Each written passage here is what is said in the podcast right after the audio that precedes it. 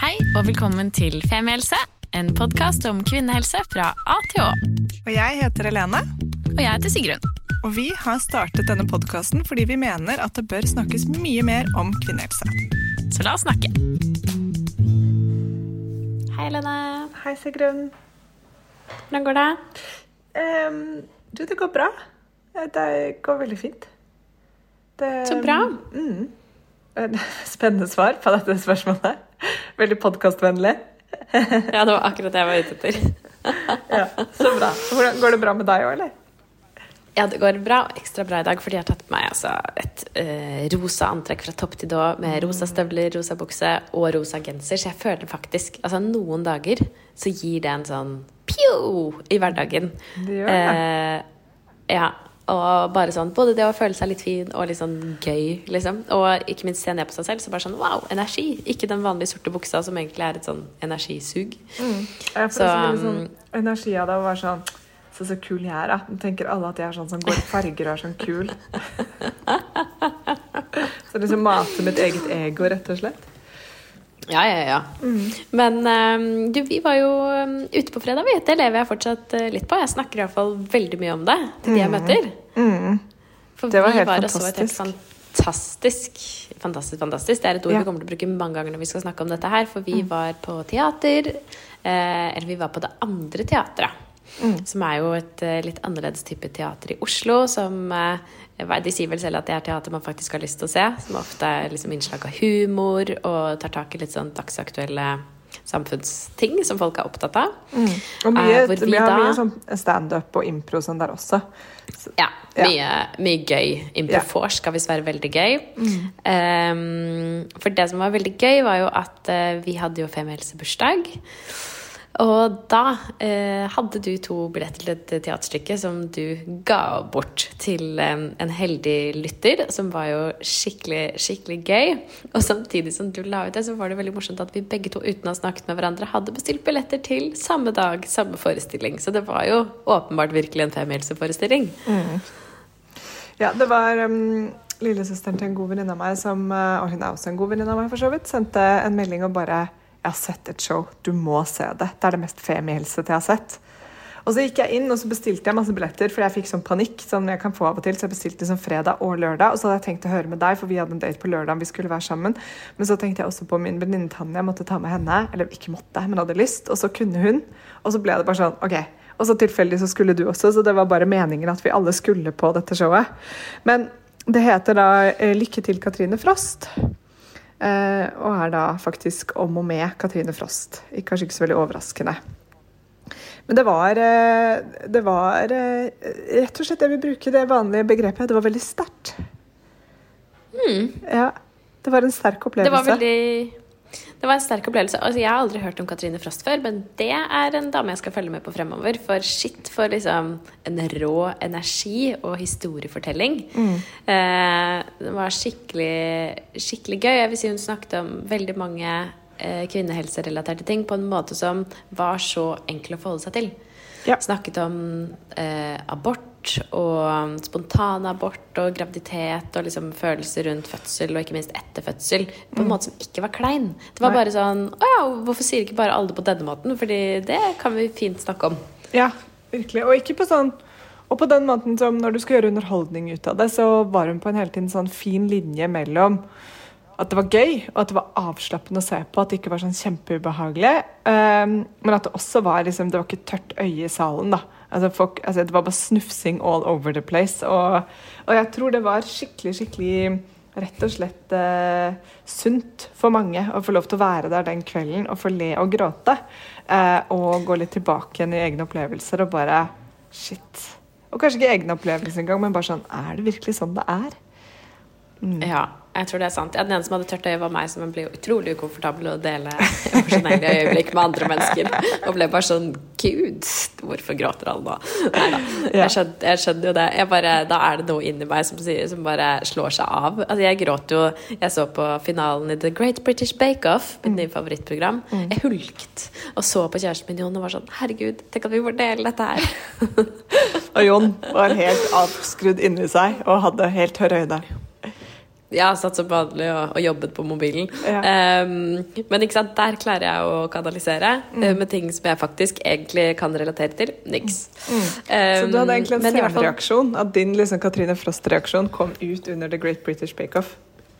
Jeg tror det. Ja, Det, det, som, det var det som skjedde. Men eh, det som, uh, der og da så satt jeg og tenkte på Å, det er så synd at den, nå er det ikke flere forestillinger igjen av dette her. Men så har hun lagt ut masse ekstraforestillinger i november. Ikke masse. Jeg fant bare én. Ok, men vi må, vi må snakke om det, og så må dere bestille, og så må vi få henne til å sette opp mer, og så må vi få Nationaltheatret til å sette opp dette stykket, fordi det er så viktig at så Ja. mange som mulig får sett det. Ja, fordi det ligger en ute nå søndag 6. november, om den ikke allerede er utsolgt. Jeg har i hvert fall tipset alle jeg kjenner om at de må løpe inn og kjøpe billett. Men øh, ja, jeg håper hun bare holder på med dette stykket lenge. Hele Norge. Forhåpentligvis skal de på turné, sånn at alle Ja. får sett på det. Ja. Men eh, det er i hvert fall en varm både anbefaling fra oss, men også en tusen takk til Katrine Frost. Vi må prøve å invitere henne til podkasten, syns jeg, for, Ja. eh, så vi kan si ordentlig takk. Em, så um, det kommer en melding inn i innboksen din, for jeg regner jo med Katrine at du hører på her nå. Alltid. 100% alltid hun hører. Hun har ikke tid til å gjøre noe annet enn å høre på oss.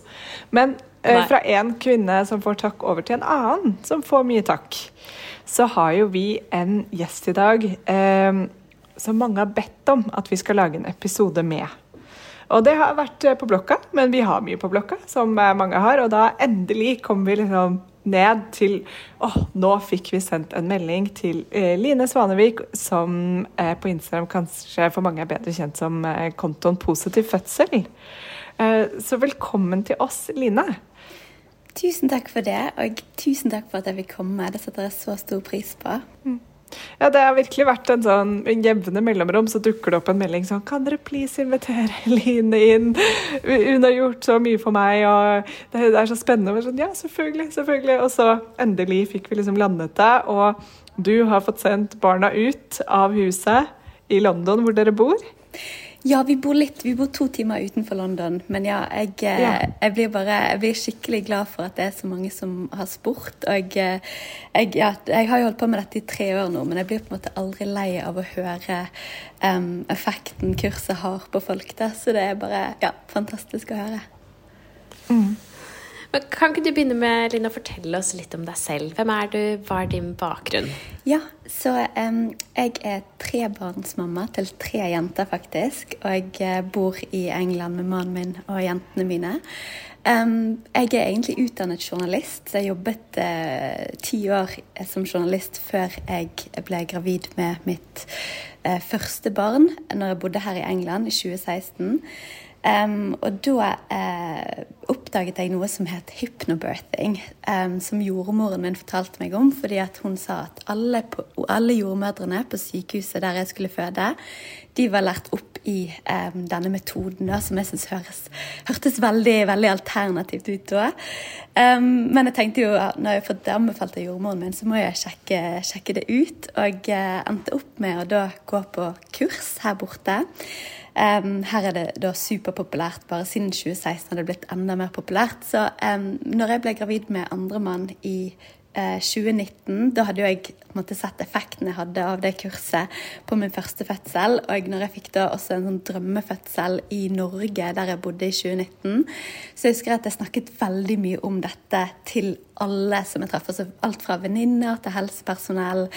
Eh, ja, absolutt alle. Men det var ingen som hadde hørt om hypnobirthing. Til og med ikke jordmødrene der jeg skulle føde, eller noe. Så jeg fikk en veldig sånn Jeg husker bare til alle de nettene jeg satt oppe og ammet der jeg var sånn Jeg må um, ta dette til Norge, da. For jeg følte at det var noe så uh, norske kvinner virkelig sårt trengte. Det var mange av jordmødrene når jeg snakket med de um, i Norge, og sa at uh, norske kvinner har mistet troen på sin egen fødeevne. Og eh, det er jo selve essensen i hypnobirthing, er å ja, skape den troen på din egen fødeevne. Så jeg ble veldig sånn OK, dette må jeg gjøre noe med. Så da um, dro jeg til London med en fire måneder gammel baby og tok sånn sertifisering som hypnobirthing-instruktør. Og så startet jeg Positiv fødsel. Så kult. Wow!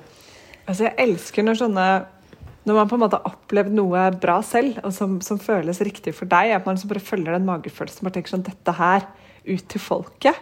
Eh, jeg, jeg, jeg, liker det så godt at man liksom deler av sin egen positivitet. Da. At det er sin egen positive sånn ok, Er det flere som har lyst til å være med og lære om dette? Og selvfølgelig liksom at det er helt frivillig, og folk får gjøre som de selv vil. Men at man på en sånn uh, ja, fin måte bare OK, jeg har noen dere burde vite om. Det er liksom kvinnes, Kvinnehelse har veldig godt av det, da, fordi um, ja, bare som en liten sidenote, så, så, hørte jeg at det tar ca. 17 år fra, fra, forskning på en måte har begynt å komme liksom, fram til noe, til at det er implementert eh, på liksom, helse...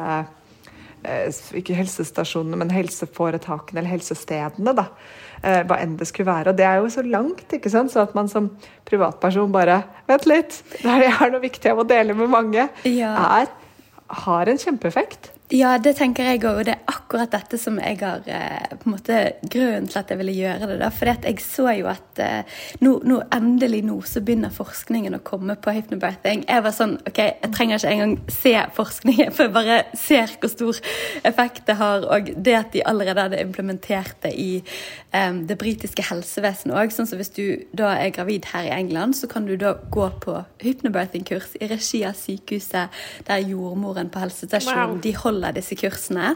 Så det var derfor òg at jeg bare Hvorfor er det ingen som har hørt om dette i Norge? For at nå er jo det òg vitenskapelig dokumentert. Det var spesielt en randomisert kontrollstudie fra 2020 som viste at hypnobirthing reduserer frykt, smerte og bidrar til en bedre fødselsopplevelse. Og altså, Hvem vil ikke ha alle de tingene? Det er jo akkurat det man vil ha for fødselen sin. Um, så jeg tenker at ok, hvis det tar var det 17 år, så er det 2037. så kommer det kanskje inn i det offentlige helsevesenet i Norge. Hvem mm. vet? Mm. Men um det er jo kanskje Ja, så når våre barn skal ha barn, kanskje, da er det, er det et håp. Og det er jo faktisk litt, litt motiverende, da. Ja, vi får Hvis man skal være jeg håper at det er litt, ekstremt positiv. Ja, jeg håper at det er litt, eh, litt tidligere enn det. Jeg eh, tenker at vi burde lære litt av britene. De er jo egentlig veldig konservative. Så det at de har implementert det i det offentlige helsevesenet, det føler jeg burde være en sånn eh, ja, gi oss eh, nordmenn et lite push til å gjøre det samme, da. Mm. Men øh, jeg vet ikke om du har fått med deg det, Line, men jeg utdanner meg i hvert fall til å bli doula. Det er det jeg holder på med for tiden. Ja. Og da hørte, har jeg jo hørt flere snakke om hypnobirthing. Og eh, da jeg for første gang hørte ordet, så så jeg for meg at det var at det var en pusteteknikk. At det var liksom noe sånn At Det var det jeg tenkte at hypnobirthing var. Så før vi kanskje går videre, kan ikke du fortelle litt hva er hypnobirthing? Ja, det er veldig mange som har veldig mange morsomme måte, forestillinger om eh, eh, akkurat dette. Jeg må bare si noe veldig morsomt, for jeg så akkurat en kommentar på Facebook som jeg bare Å, dette er, dette er liksom grunnen til at jeg gjør den jobben jeg gjør. Men eh, jeg eh, la ut noen tips til fødsel, og så var det en som kommenterte Nei, jeg tar heller epidural jeg istedenfor sånn som dette åndelige nonsens. eller noe. Men jeg følte at det illustrerte veldig godt um, de misforestillingene eller vrangforestillingene folk har om hypnobirthing. For det høres jo veldig alternativt ut når man hører dette ordet. Uh, men sannheten er at det det er ikke en type det er noen som også tror at hypnobirthing f.eks. er en vannfødsel. Sant? Uh, men det som hypnobirthing er, det er en fødselsforberedende metode som kan brukes Altså Enten du vil ha epidural eller føde i vann, om det blir igangsetting. Det er rett og slett um, det, Mye av fokuset ligger på mental trening. Så for det første så um, bruker vi lydfiler med avspenning, som er denne selvhypnosebiten, som veldig mange syns høres litt alternativt ut. Men denne selvhypnosebiten den skal hjelpe deg til å styrke troen på din egen fødeevne. For det som er så viktig i hypnobirthing, det er at man faktisk tror at, eller forstår at kroppen er laget um, for å føde. Og så en liten disclaimer. Selvfølgelig ikke alltid. Noen ganger trenger vi um, uh, medisinsk hjelp, og da er det helt fantastisk at vi bor i Norge der vi har det tilgjengelig. Um, men for de aller fleste sånn, så er jo kroppen har den dette spesiallagde systemet innebygd, så det er veldig viktig at vi på en måte da tror ja, tror på at fungerer. Fordi at eh, det som er litt av essensen i det òg, det er jo at eh, vi må eh, forstå viktigheten av dette fødehormonet oksytocinet.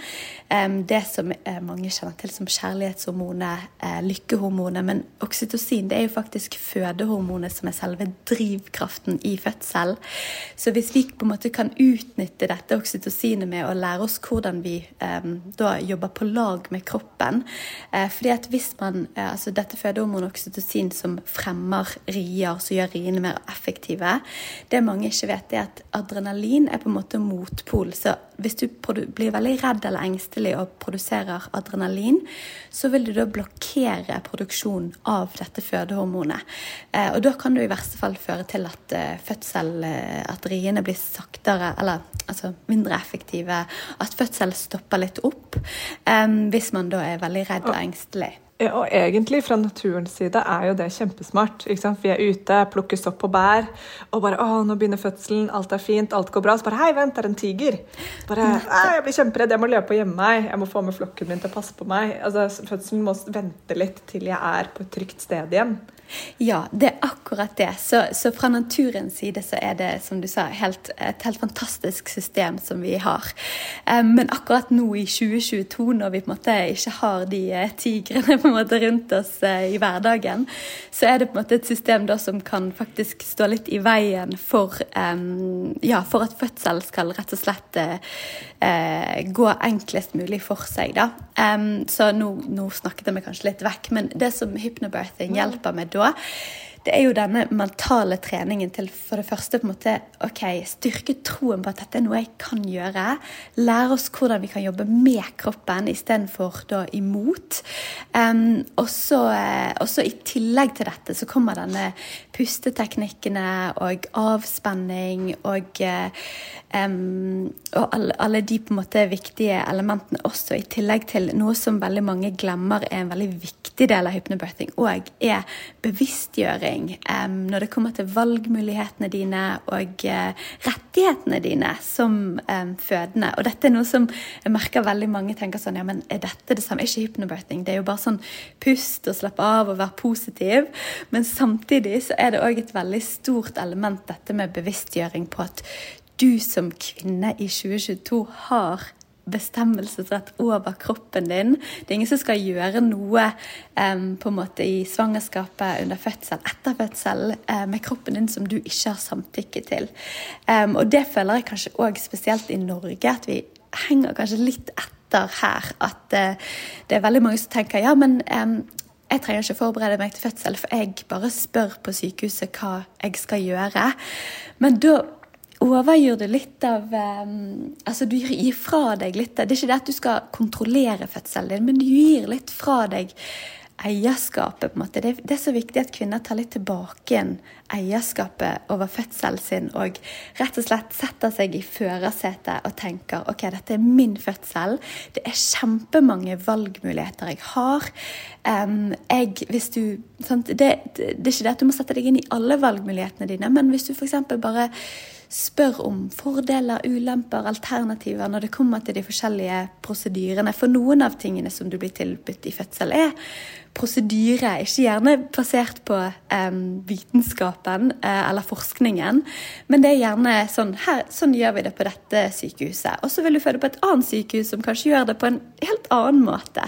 Det har jo jeg sett spesielt godt når jeg uh, da har født nummer én og nummer tre i England og nummer to i Norge. Så ser jeg hvor forskjellig um, fødselsomsorgen kan være, og hvor egentlig stort sånn postkodelotteri det kan være, og viktigheten da å sette seg inn i de forskjellige ja, valgmulighetene man har. Ja, og det um, Jeg har tenkt mye på det, fordi der er jo kvinner ekstremt forskjellige. Noen liksom, I det øyeblikket det er eh, to streker på den eh, testen, så er det bare sånn OK. Og gjerne kanskje før. Liksom, hvordan kan jeg få den fødselen jeg eh, drømmer om, da?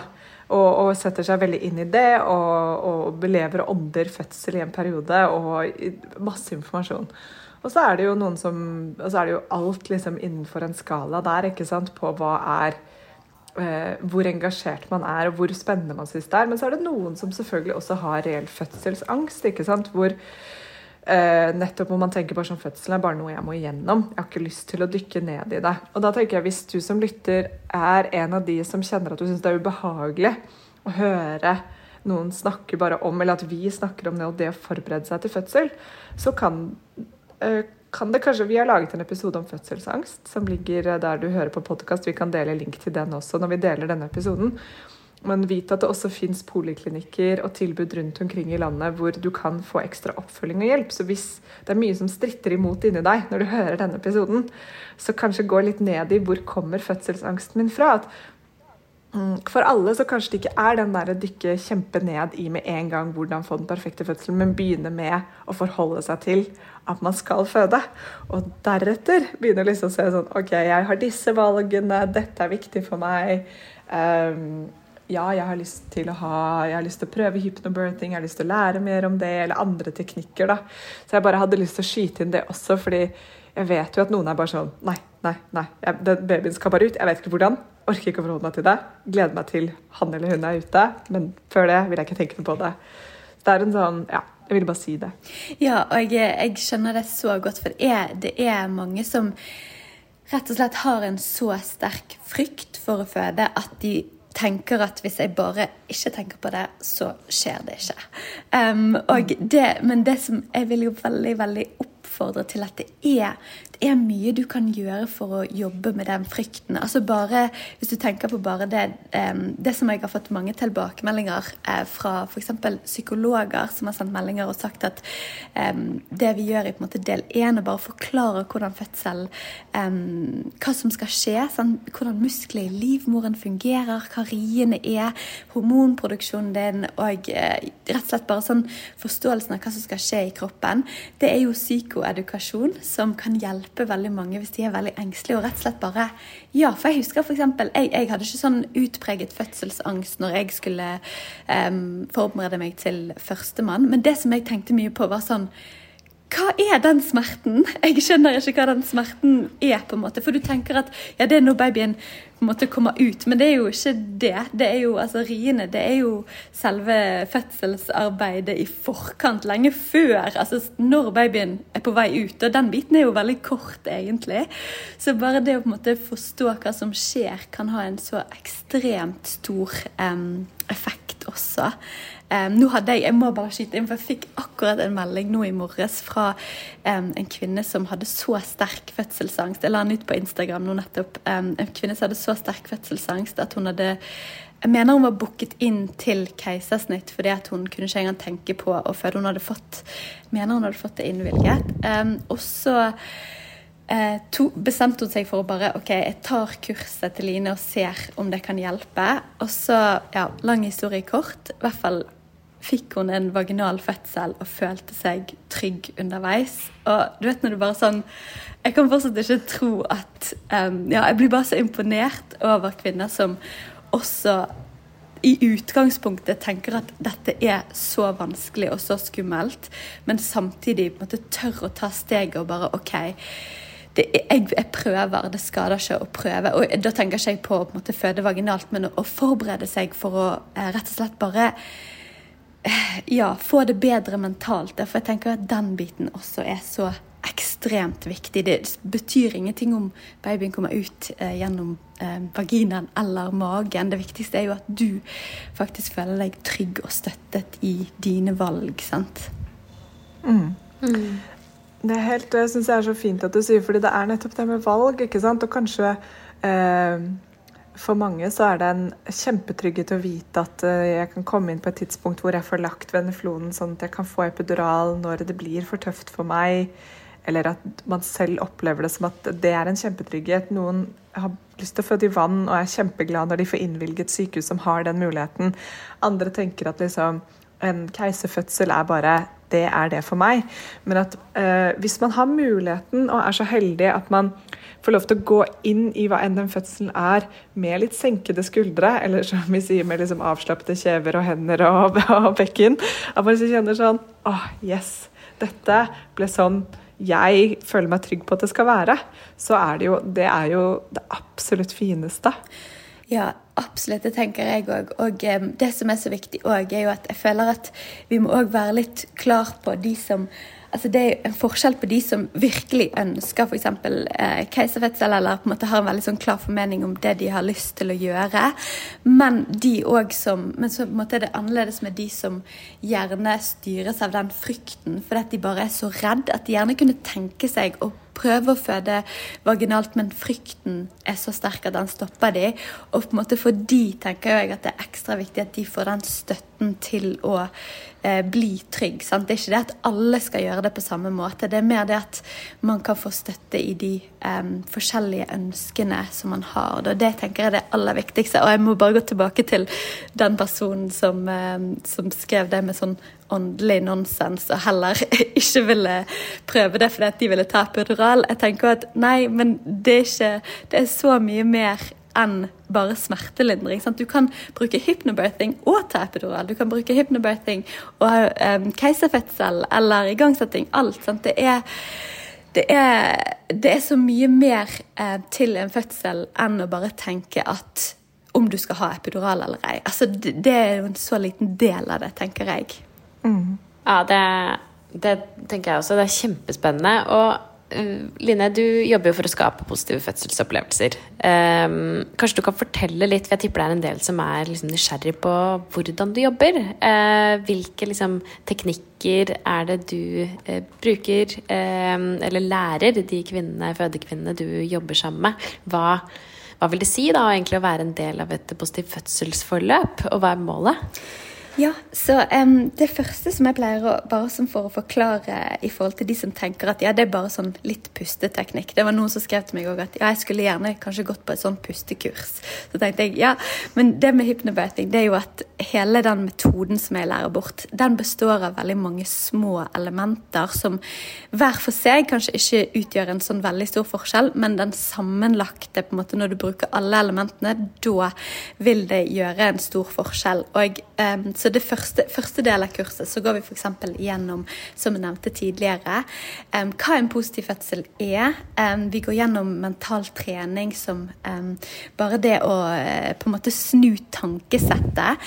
Uh, det kan f.eks. være så smått uh, som å tenke at istedenfor å tenke på riene som noe veldig vondt og noe veldig smertefullt, så ser du på det istedenfor som en positiv kraft, rett og slett. At dette for hver rie, så er jo du ett steg nærmere å møte barnet ditt. Så det er ikke det samme som hvis du kutter av deg fingeren, og det er en uutholdelig smerte som signaliserer at noe er veldig galt. Sant? Det er ikke det fødsel er. Den fødselssmertene som vi kjenner, det er jo positiv smerte som um, Uten disse riene så hadde jo ikke barnet kommet. Uh, så bare det å på en måte kunne jobbe mentalt med disse tankene, um, og bruke den mentale treningen til å uh, endre synet litt på uh, hva fødsel er, um, så jeg tror det var Ina May Gaskin, som, eller jeg husker ikke helt, Ella Marie Mongan, som har sagt at, eh, at hvis vi endrer måten vi ser på fødsel på, så vil vi endre måten vi føder på.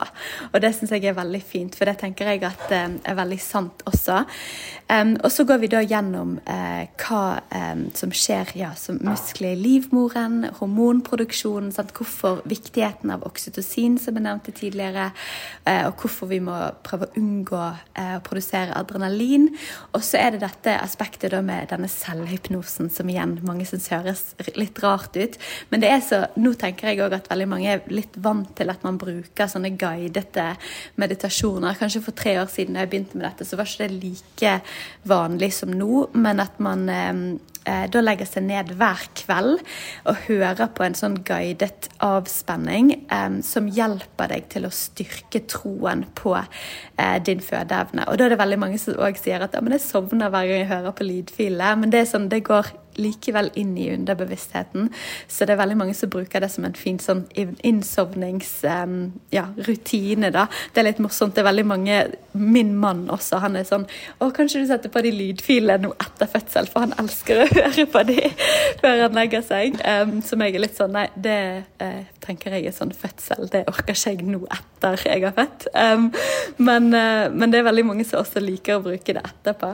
Um, og så har du uh, i tillegg til dette når vi begynner inn på del to, litt mer sånn de pusteteknikkene, så har vi da opppusten, som vi bruker i første del av fødsel. Og så har vi nedpusten, som vi bruker i andre, den utdrivningsfasen av fødselen. Um, i tillegg til dette så handler det mye om um, det som jeg også nevnte, om bevisstgjøring av valgmuligheter. Og vi går gjennom um, ja, for, uh, fordeler, ulemper, alternativer med forskjellige, um, de forskjellige tilbudene som man får under fødsel. Og igjen, sant, her er det veldig viktig for meg å formidle at uh, det er ikke noe galt eller rett svar uh, når man spør om fordeler og ulemper osv. Det er mer det at hvis du kan spørre disse spørsmålene, så kan du ta et informert valg Istedenfor å bare si at ja, men jeg skal ha Eller jeg skal ha det på den måten, jeg skal ha klister, for det hadde naboen min, og hun sa at det var veldig bra. altså at man rett og slett kan da få litt mer um, informasjon om fordeler, ulemper, alternativer. Um, og så har vi da i del fire så går vi gjennom um, så går vi gjennom faktisk hva som skjer under fødsel. Um, så det er derfor jeg liker å si at det er en veldig en måte, sammensatt metode som da handler litt om mental trening, avspenning, pusteteknikker, men også om bevisstgjøring og bare den psykoedukasjonen med å forstå uh, kroppen din og uh, valgmulighetene dine osv. Det er veldig fint. Og veldig Det høres jo ut som en sånn grundig en, en, god forberedelse som ikke, altså, i hvert fall ikke skader, for å si det sånn, å dykke ned i. Ja. Um, jeg har jo tatt deler av kurset ditt selv, sånn imellom Dola-studiene, for, for, å se liksom uh, hva alle snakker om. Og det, jeg trives godt med det. det men det jeg også syns var veldig fint, var um, det du skriver helt i begynnelsen av kurset, er sånn ha med partneren din. Ja. Eh, involver de du har tenkt til å ha med på fødselen i dette kurset, så dere er litt samstemt i hva dette dreier seg om. Og det er eh, Kan nok være Eller sånn Hvis jeg gjetter, da, kan det være litt sånn fremmed eh, ting for en del. Men før så var, fødte man ikke alene. Det var ikke bare ditt ansvar å forberede til fødsel, man var en gjeng. Eh, og det var liksom de lokale damene som bodde rundt deg, de kom til deg, man snakket om fødselen, og de var med på fødselen. Det var ikke sånn at det var liksom, Og det var ikke alltid at mennene var med hvis, hvis man har en mannlig partner, men det var, i hvert fall flere som var involvert. Og det er jo liksom et teamarbeid. Så jeg syns det var en veldig sånn fin påminnelse helt i starten av kurset. var liksom ta med deg partneren din eller de som skal være med deg på fødsel. Sånn at man er enige. Altså, ja, ja, for jeg tenker at det er så utrolig viktig, og jeg vet, jeg er fullt klar over Jeg skulle gjerne visst prosentandelen av eh, partnere som faktisk er med. Men det, jeg, det, som jeg tenker, er jo at hvis hvis f.eks. du har denne forståelsen av hvordan eh, altså et godt fødemiljø, som er kjempeviktig, og da tenker ikke jeg vannfødsel, men bare ro rundt deg, støtte positivt språk, måte, kjærlig ord og berøring osv. Hvis du forstår hvor viktig dette er, og så har du en partner som sitter i hjørnet og biter negler og leser avisen på mobilen, på en måte, så fordi at måte, man ikke er samstemte, så vil det kunne ha en veldig negativ eh, påvirkning på deg. Da i hvert fall jeg var veldig um, altså Nå tok jo mannen min kurs uh, med meg, um, og vi, vi, var helt på en måte samstemte, så han visste veldig godt hvilken rolle han hadde i fødsel. Det var liksom jeg tror òg det som mange misforstår, også, er at det er ikke bare for kvinnen heller at, at partneren skal være med. Det, er, det gir partneren òg en utrolig trygghet, eh, fordi at veldig mange jeg eh, vil jo si at Hollywood har en ganske eh, ja, har på en måte skyld for at mange fødepartnere tenker at de bare har sånn OK, hvor mange minutter tar det til sykehuset, og parkering osv. Men det er jo den minste delen, tenker jeg, av det du skal gjøre, skal gjøre som fødepartner. Den på en måte emosjonelle omsorgen og, eh, og, alt måte, du kan gjøre, nesten være litt sånn talsperson for eh, kvinnen. Det er det som er så viktig. Og jeg tror òg at det gir så mange fødepartnere en trygghet i at de vet hva de kan gjøre. Istedenfor å bare sånn Å, jeg har Jeg vet ikke helt hvor jeg skal stå eller gjøre. Så vet de De vet hva, hva de skal gjøre for å hjelpe kvinnen til å produsere oksytocin. Hvis jordmor f.eks. spør om noe, eh, og f.eks. jeg ville være være litt sånn i fred. og bare sånn, Hvis du trenger å spørre om noe som mannen min kan svare på, bare spør han. Altså, Hvis du trenger fødselsdato, altså alle sånne ting, eller på en måte ønsker og behov, så vet han det fordi vi har snakket så mye om det. Sant? Så bare ta det med han. Um, og det at da fødepartneren din da kan være din talsperson når kanskje du ikke orker å snakke, det er jo helt uvurderlig, tenker jeg. Å være liksom Uh, at man uh, er litt påkoblet, ikke sant. Og ser sånn uh, Nå skjer det noe i rommet jeg ikke forstår. Da kanskje ikke partneren min forstår det heller. Jeg stiller det spørsmålet høyt på vegne av min fødepartner. Bare, eller på vegne av hun som føder. Bare OK, hva har dere tenkt å ta vannet? Eller hva er dette apparatet? Eller hva skjer nå? Hvorfor er det studenter her inne? Men at man liksom har en rolig stemning rundt, men at man er at man er med på å ta ansvar i det rommet. da, På en måte som er avtalt på forhånd også. ikke sant, At jeg tror jeg kommer til å trenge det. Det kan godt hende at det endrer seg under fødselen min, men jeg ser for meg at det er veldig deilig for meg hvis du bare er spørsmålsstilleren, så jeg bare kan fokusere på å slappe av. Så godt som mulig. Ja, nettopp. Det er akkurat det. Og jeg tenker jo, som du sier, ønskene dine og behovene kan jo endre seg, men det å kommunisere det til partner er så mye enklere. For eksempel, min eh, første og andre fødsel var jeg, var jeg, litt sånn Det var deilig å på en måte bli sånn holdt på, på skuldrene og sånn, men jeg var sånn ikke massere meg eller sånne ting. Men så tredje fødsel syntes jeg det var kjempedeilig å liksom få litt massasje og være mye på en måte nærmere. Så det kan endre seg fra fødsel til fødsel. Det kan endre seg fra, fra på en måte dagsformen, om du er sliten, opplagt osv. Men det å da kunne kommunisere dette òg på forhånd til partneren. At hvis jeg bare gjør sånn, så bare stopp det du gjør. Eller hva? Sånn at, man, at man blir enige om små signaler og sånne ting. Det er bare Ja, jeg skulle ønske virkelig at alle forberede seg grundig sammen med fødepartneren. Og igjen, fødepartner trenger heller ikke Hvis du tenker at du har en fantastisk partner, men som rett og slett i det øyeblikket ikke er den rette å ha med, så kan du òg tenke på ja, Har du lyst til å ha med eh, mammaen din, søsteren din, venninnen din, svigermor Altså hvem enn det er som du òg føler kan være Eller selvfølgelig en doula. Doulaer er så viktige også. Jeg skulle ønske alle kunne ha med en dula i fødsel. Um, så det å bare tenke litt over det også på forhånd, og heldigvis nå når restriksjoner og sånn er over, så kan jo man ha med begge, kanskje to forskjellige som oppfyller to forskjellige behov. sant? Mm. Man kan være litt kravstor. Det er fødsel. Jeg er helt bare enig. Bare be om ting, liksom. Bare hvorfor ikke?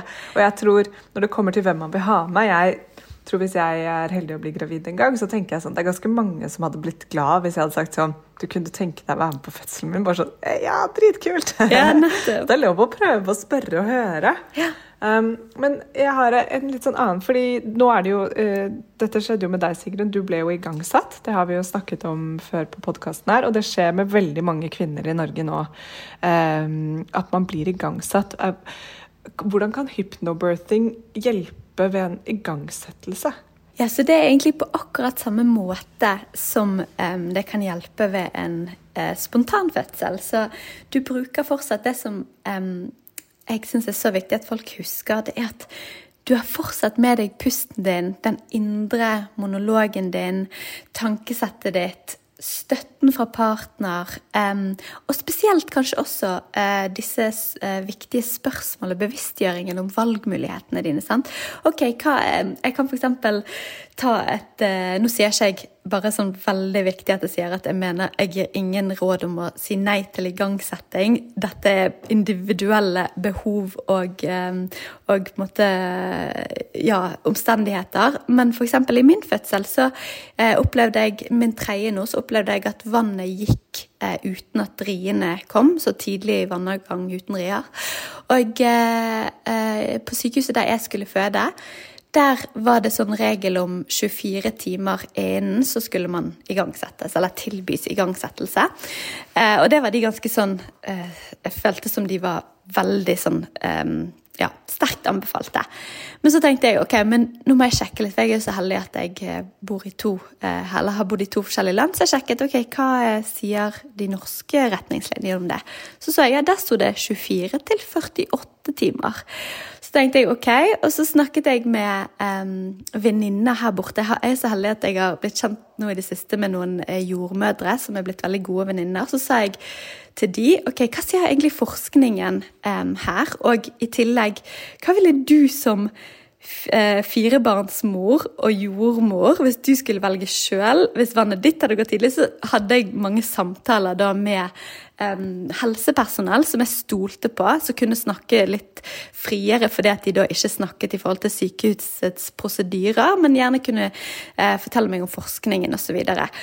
Og så sa de at ja, den forskningen som er sånn innen 24 timer, den er ikke eh, sterk nok. Og eh, det er derfor det er veldig mange som sier det var liksom Før var det 72 timer, og så ble det 48 timer, og så ble det 24 timer. Sant? Men så avhenger det av hvor du skal føde. Så da valgte jeg å spørre bevisste spørsmål og da ta et informert valg om at ok, hadde jeg skulle født i Norge, så kunne jeg ventet 48 timer. Så da valgte jeg å tenke ok, da har jeg i hvert fall det i første omgang, 48 timer. Så begynte fødselen min spontant etter 40 timer. Sant?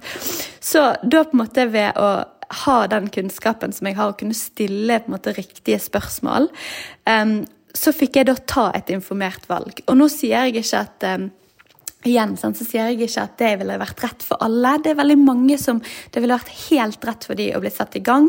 Hvis for også, Spesielt hvis det er en veldig sterk medisinsk grunn for det, så er det veldig viktig. sant? Um, men når det for meg var bare sånn basert på akkurat det sykehusets prosedyre, så kunne jeg da stille disse spørsmålene som er viktige. Men igjen, for å gå litt tilbake til det, hvis jeg da skulle blitt satt i gang sant? Det å kunne bruke avspenningsteknikkene, bruke lydfiler med selvhypnose, omstille meg eh, til å på en måte at ok, nå er det det som gjelder. Hva er viktig for meg da? Hva kunne ha samtaler med mannen min og um, helsepersonell om hva som er viktig for meg i en slik sammenheng. Uh, men sant, du bruker jo akkurat de samme avspenningsteknikkene, den mentale treningen, pusten, spørsmålet osv. som man ville gjort ved en spontanfødsel. Mm. Å, så fint. Altså, ja. Mm. Nei, jeg blir jo Men nå er jo jeg selvfølgelig veldig sånn inne i denne sfæren, og jeg føler alt jeg gjør, er å lese Ina May og, og Positiv fødsel og bare, bare Det er så spennende. Um, og, og, har endret veldig mitt syn på fødsel, i hvert fall det siste, det siste året hvor jeg har studert dette. Men anyways Jeg syns det har vært uh, superinspirerende å høre deg prate om dette. Og jeg, jeg syns det er så fint at du liksom har satset på det her og gjort det tilgjengelig. Og det tenker jeg jo er uh, Jo flere av oss som gjør det, som brenner for noe, og som tenker at dette her tror jeg er bra for flere, og som deler det, er så fint, da. Um, mm. Tusen takk for det. det ja, det er skikkelig også litt sånn kvinnelig gründer-innspo, tenker jeg. ja. Har du en ja, Har du noe du brenner for og har skikkelig troen på? Prøv. Ja.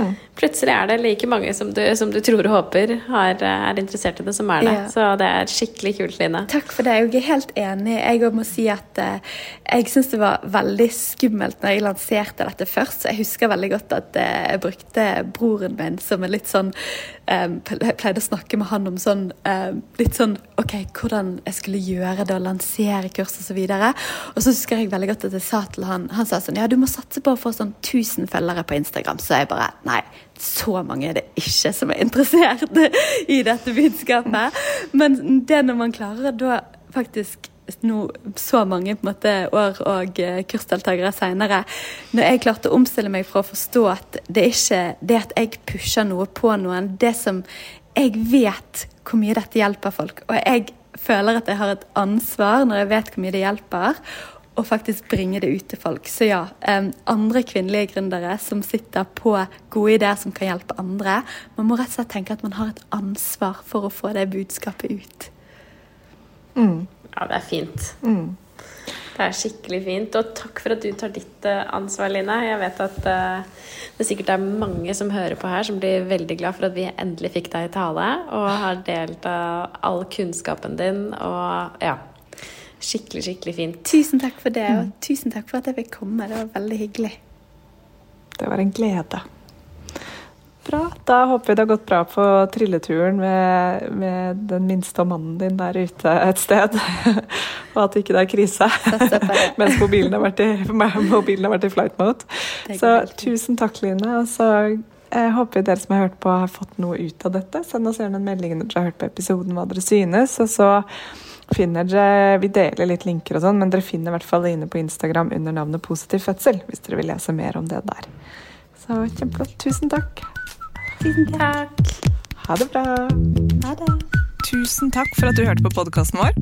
Selv om det forhåpentligvis kommer tydelig frem, så vil vi understreke at vi ikke er helsepersonell.